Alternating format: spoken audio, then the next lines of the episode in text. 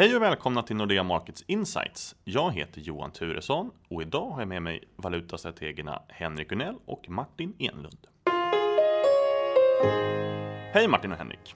Hej Johan! Jag tycker att vi startar med veckans händelse får man väl ändå säga, som var den svenska inflationen som kom in eh, ungefär en halv procent lägre än vad Riksbanken hade tänkt sig. Det här skickade ner kronan till ännu svagare nivåer och vi på Nordea ändrade faktiskt vad vi, vår call där på Riksbanken. Vad hände egentligen? jag hade önskat att vi kunde haft något sånt där skojigt ljud att spela när den här inflationssiffran kom in. Eh, det är klart att det här är oerhört problematiskt för Riksbanken att helt plötsligt så verkar det som i alla fall vissa mått av inflationstrenden har vänt i negativ riktning. Eh, man kan säga att riksbankschef Ingves har ju, har ju diskuterat och fört fram lite Eh, rubriker till media i veckan också. Han verkar inte ens ha sett den här siffran som, som vi ser det. Så ett, rejält bakslag för Riksbanken och vi tror därför att de kommer tvingas till att göra mer och det ganska snart. Um, Henrik? Ja, exakt. Och det, vi hade en redan svag krona innan den här siffran kom och nu är den eh, ännu svagare. Och det känns som att vi svenskar som konsumenter, vi kommer aldrig befinna oss på den vinnande sidan utan vi är ständigt dömda att ha en skitvaluta om man får säga så i radio eller vad det nu podcast.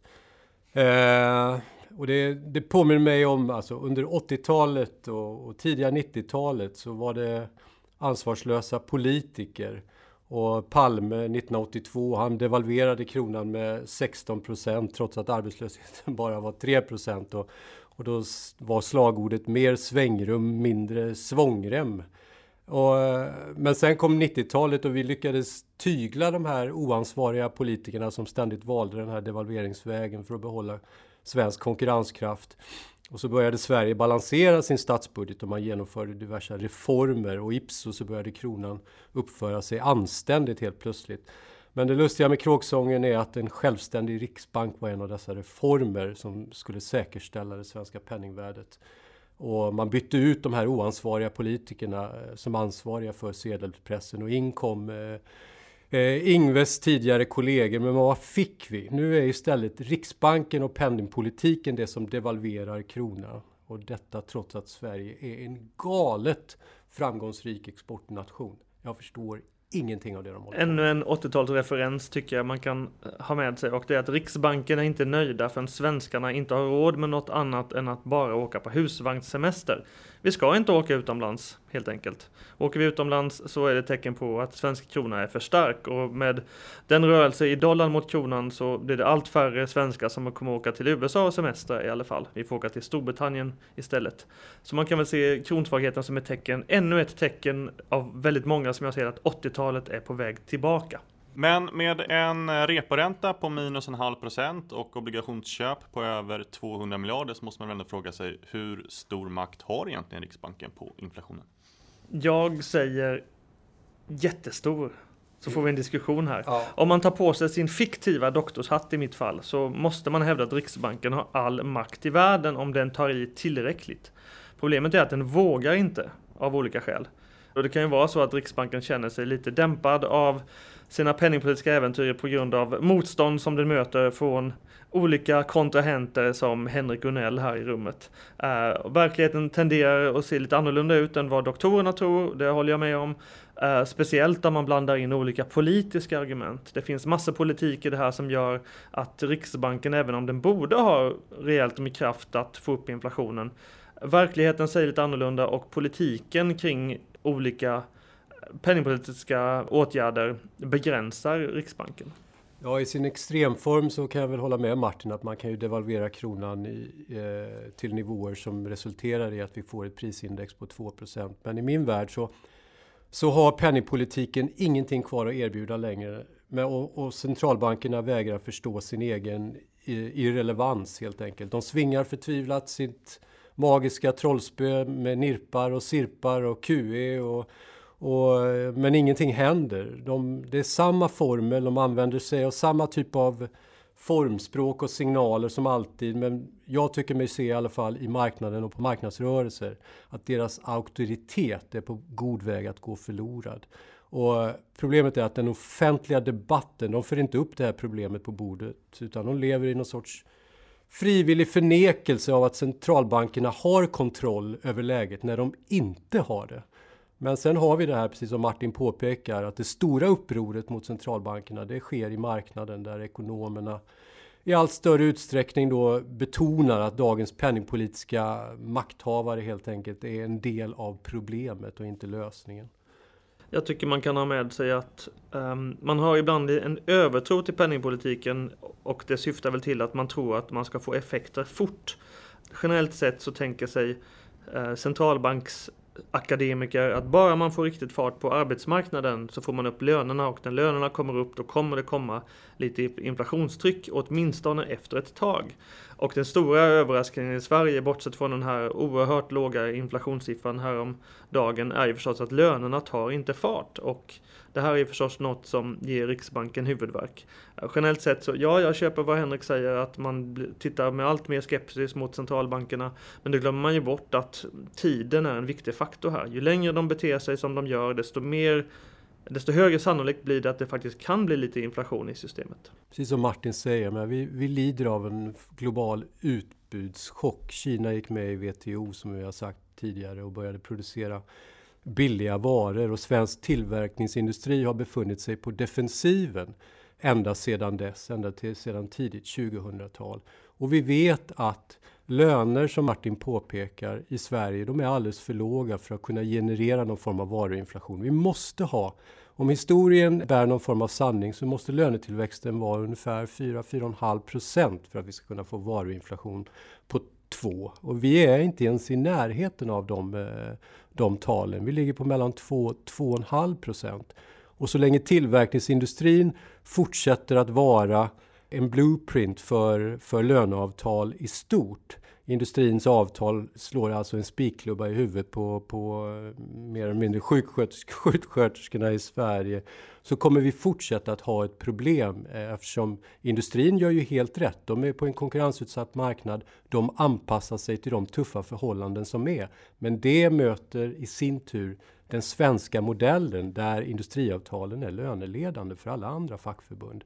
Och det här kan Riksbanken slåss mot. De slåss mot väderkvarnar. Det kommer aldrig gå att lyfta inflationsnivån i Sverige upp till, dem, till Riksbankens inflationsmål. Två, två saker. Det finns en väldigt spännande grej som ingen centralbank har provat ännu och det har man inte gjort för att man inte varit desperat nog. Och man har också eh, generellt sett en hel del internationell politik emot sig. Jag syftar förstås till E.O. Svenssons idiotsäkra sätt att få bukt med deflationen. Så skulle Riksbanken bara bestämma sig så skulle den kunna styra valutan, kronans kurs och säga att svenska kronan kommer tappa 5 eller 10 procent per år tills vidare. Och det här är någonting otroligt potent, det är lagligt, jag hoppas verkligen inte att det sker. Men det finns saker kvar i ammunitionsboxen om man verkligen ger sig ut på den här vansinnesfärden det skulle innebära. Sen finns det en annan kul grej som man kan nämna i sammanhanget, det är att eh, vad gäller Japan som också har problem med inflationen som är lite låg så har det diskuterats att, med lag, att genom lagar tvinga upp lönerna. Man lagstiftar helt enkelt att varenda japan ska få minst 4% löneökning per år tills vidare. Ehm, och desperationen har ju tilltagit och i takt med att den tilltar desto mer knasigheter har vi sett. Och, och det kan ju vara så att det är för tidigt att säga att, att vi har nått vägs ända här. Ett annat hett samtalsämne har ju länge varit den svenska bostadsmarknaden. Och själv är jag lite extra intresserad eftersom jag går i köptankar, så därför tänkte jag kolla med er. Ska vi fortsätta uppåt eller ska vi neråt eller ligger vi lite mittemellan? Störst balansräkning vinner har varit, har varit läxan hittills. Med det menar jag att den som har gett sig in och köpt så stor bostad man bara kunnat för så mycket pengar som bara möjligt. Den har varit den stora vinnaren. Och med så lite eget kapital. Ja, precis. Den har varit vinnaren i 20 år. Alltså mitten av 90-talet egentligen. Frågan är ju om det har nått vägs ände. Eh, politikerna är ju lite mer varsa om problemet nu att skuldsättningen eh, utvecklas kanske lite problematiskt och huspriserna kan ju inte stiga hur mycket som helst utan att det medför vissa risker. Så köper man bostäder nu så har man åtminstone politikerna emot sig. Men det hade man ju ett år sedan också, två år sedan också, tre år sedan också och så vidare. Ja, och vi säger väl att fastighetsmarknaden i Sverige och lägenhetspriser i Stockholm för att ta ett exempel de må vara korrekt värderade givet att vi kan fortsätta i all oändlighet och gå och låna pengar på 1,5 procent på, på ett Nordea-kontor. Men om vi skulle få räntor som stiger med till exempel 2 procent, då skulle marknaden se helt annorlunda ut. Det vi ser nu är att myndigheter lite grann vilar på hanen och ser på effekterna av amorteringskravet, huruvida det biter eller ej. Om man måste gå vidare i någon form av lagstiftning och in, eventuellt inkomstbepröva lån. Det skulle kunna bli nästa steg, givet att prisbilden inte, inte mattas i Sverige. Men jag säger som jag har sagt tidigare i, i skriftlig form, att de här räntesänkningarna, det är det som driver prisbilden. Och på sätt och vis, givet att man tror att räntor i framtiden kommer att vara högre, då kan man ju säga att det är ju, man har blivit inlurad i, i på marginalen eh, in i en marknad som är där fällan kommer slå igen den dagen eh, Usch, så bäser du räntor stiger. Tittar man på bostadspriserna i år kan man väl säga att de var osedvanligt svaga jämfört med normal utveckling i maj och juni. Men siffrorna från i juli, augusti och september har alla varit lite bättre än väntat. Så de som oroar sig för stora husprisfall i våras, om det nu fanns några sådana, de ska nog inte oroa sig så mycket just nu i alla fall. I alla fall inte på kort sikt.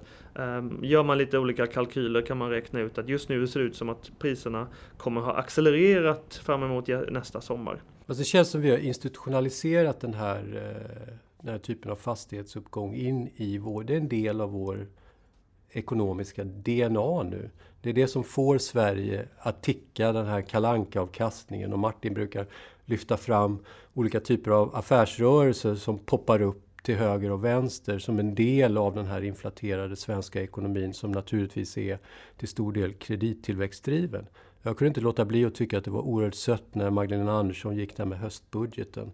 Hon fick frågan vad hon var mest stolt över och i, i det här reformutrymmet som, som regeringen har lyckats skrapa fram. Och hon nämnde då 10 miljarder till kommunerna. Det, det var hon oerhört glad över. Och så tittar man på den svenska bolånestocken på 2800 miljarder. Där vi har en prisuppgång per år på ungefär 10 procent. Det vill säga vi skapar 280 nya miljarder per år har vi gjort oss nästintill de senaste tio åren. Förstå vilken feelgood-känsla och eh, vilken förmögenhetseffekt det har in i svensk ekonomi. Finanspolitiken kan dra någonting gammalt över sig i jämförelse med vad penningpolitiken har skapat. Eller hur Martin? då ser jag det som en köprekommendation då med andra ord. En valuta som har stärkts på sistone, både mot vår egen krona och mot andra valutor, är dollarn. Är det Trump som varit i farten igen?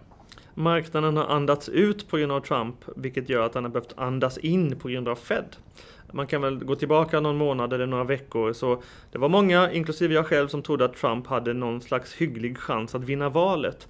Men det här verkar ju vara helt kört det spåret nu. Och i takt med att man inte alls tror att det finns någon som helst risk att han vinner valet, det gör att man istället tror, ja men då, då kommer det nog räntehöjningar istället. Och det är de här räntehöjningarna som gör att dollarn har fått luft under vingarna lite extra, i alla fall mot valutor som euron och kronan.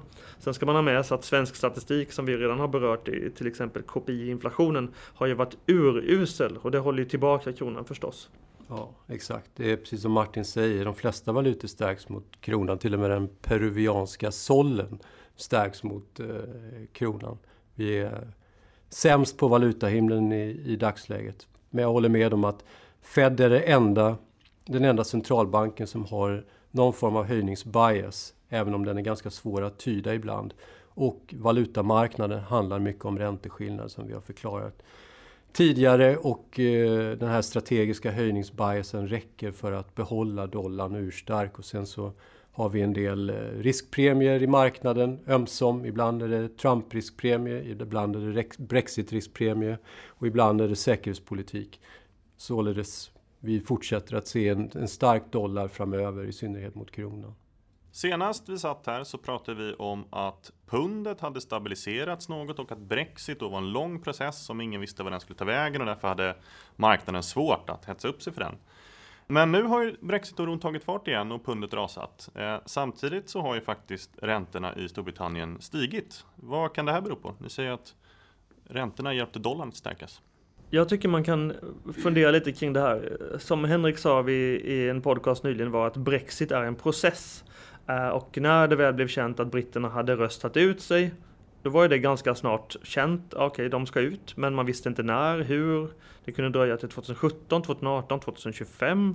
Men nu sa Theresa May i slutet av september, precis efter vår förra podcast, att hon tänker gå ur sista mars nästa år.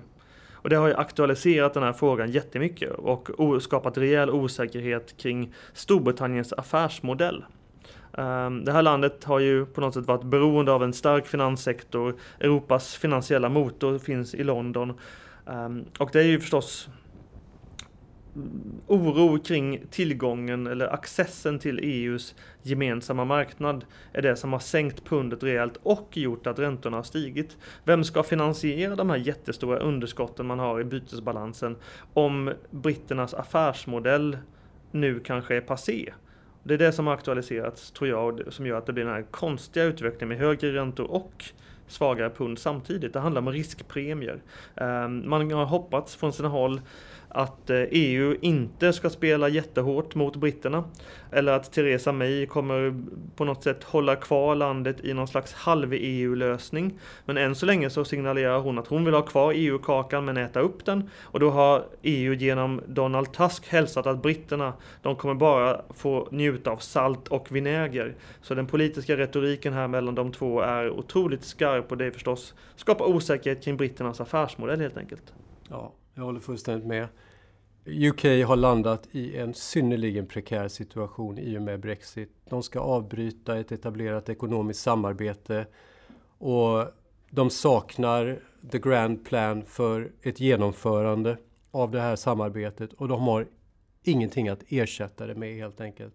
Och marknaden har skickat sin dom. De har devalverat pundet till nivåer som jag vet inte vi har sett på, Sen på, eh, Hadrians mur. Ja, mer eller mindre. Och jag, jag tror det är rätt. Det här är en så pass stor risk för UK så, eh, och det kommer inte korrigeras i närtid är min slutsats.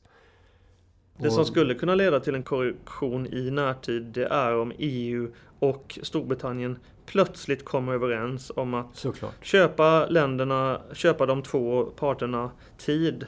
Till exempel att man bestämmer sig, men EU kör en norsk, eller britterna kör en norsk lösning i fem sju år och under, man har den, under tiden man har den norska lösningen så reformerar man EU och man förhandlar något slags nytt avtal eh, som kan gälla framgent. Så det är det som skulle kunna stabilisera situationen. Men det finns inga tecken på att det är på gång.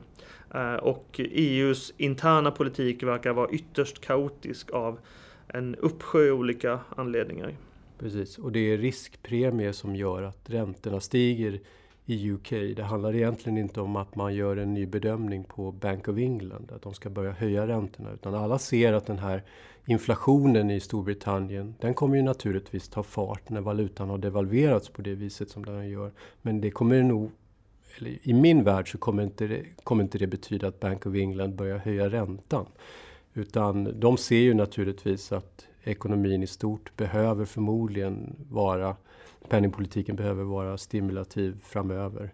Ehm. För tio år sedan när man satt i marknaden så hade jag i alla fall som åsikt att man ska aldrig oroa sig för politiken när man pratar om mogna länders valuta valutor, eh, utvecklade länder, industriländers valutor eller penningpolitik. Man ska aldrig bry sig om politik, det, då tappar man bara pengar. Det är ju någonting man verkligen behövt, eh, behövt tänka om. Vi har haft skuldkrisen i Europa, vi har Brexit i Storbritannien och vi har eh, Donald Trump-risk som teoretiskt sett i alla fall kan komma tillbaka igen. Så både dollarn, euron, pundet har faktiskt handlat med riskpremier Små i dollarns fall, större i de andra valutornas fall. Och jag tror att det här är någonting vi får vänja oss vid. Eh, industriländerna börjar se ut lite mer som utvecklingsländerna. Och det är båda för att vi kommer se mer politiskt eh, orsakad volatilitet på finansmarknaden om man tittar framåt 5-10 år. Men det är kul för oss svenskar å andra sidan att vi har något land att resa till. Ja, absolut. Zlatan-premien har gått ner. Jag tycker att vi stannar där och så får jag tacka er så himla mycket för att ni har varit med. Ni Henrik. Tack så mycket. Tack. Och framförallt, stort tack till dig som har lyssnat. Vill du ha fler analyser hittar du dem på nexus.nordea.com. Det går också bra att prenumerera på något av våra marknadsbrev som du hittar på nordea.se markets.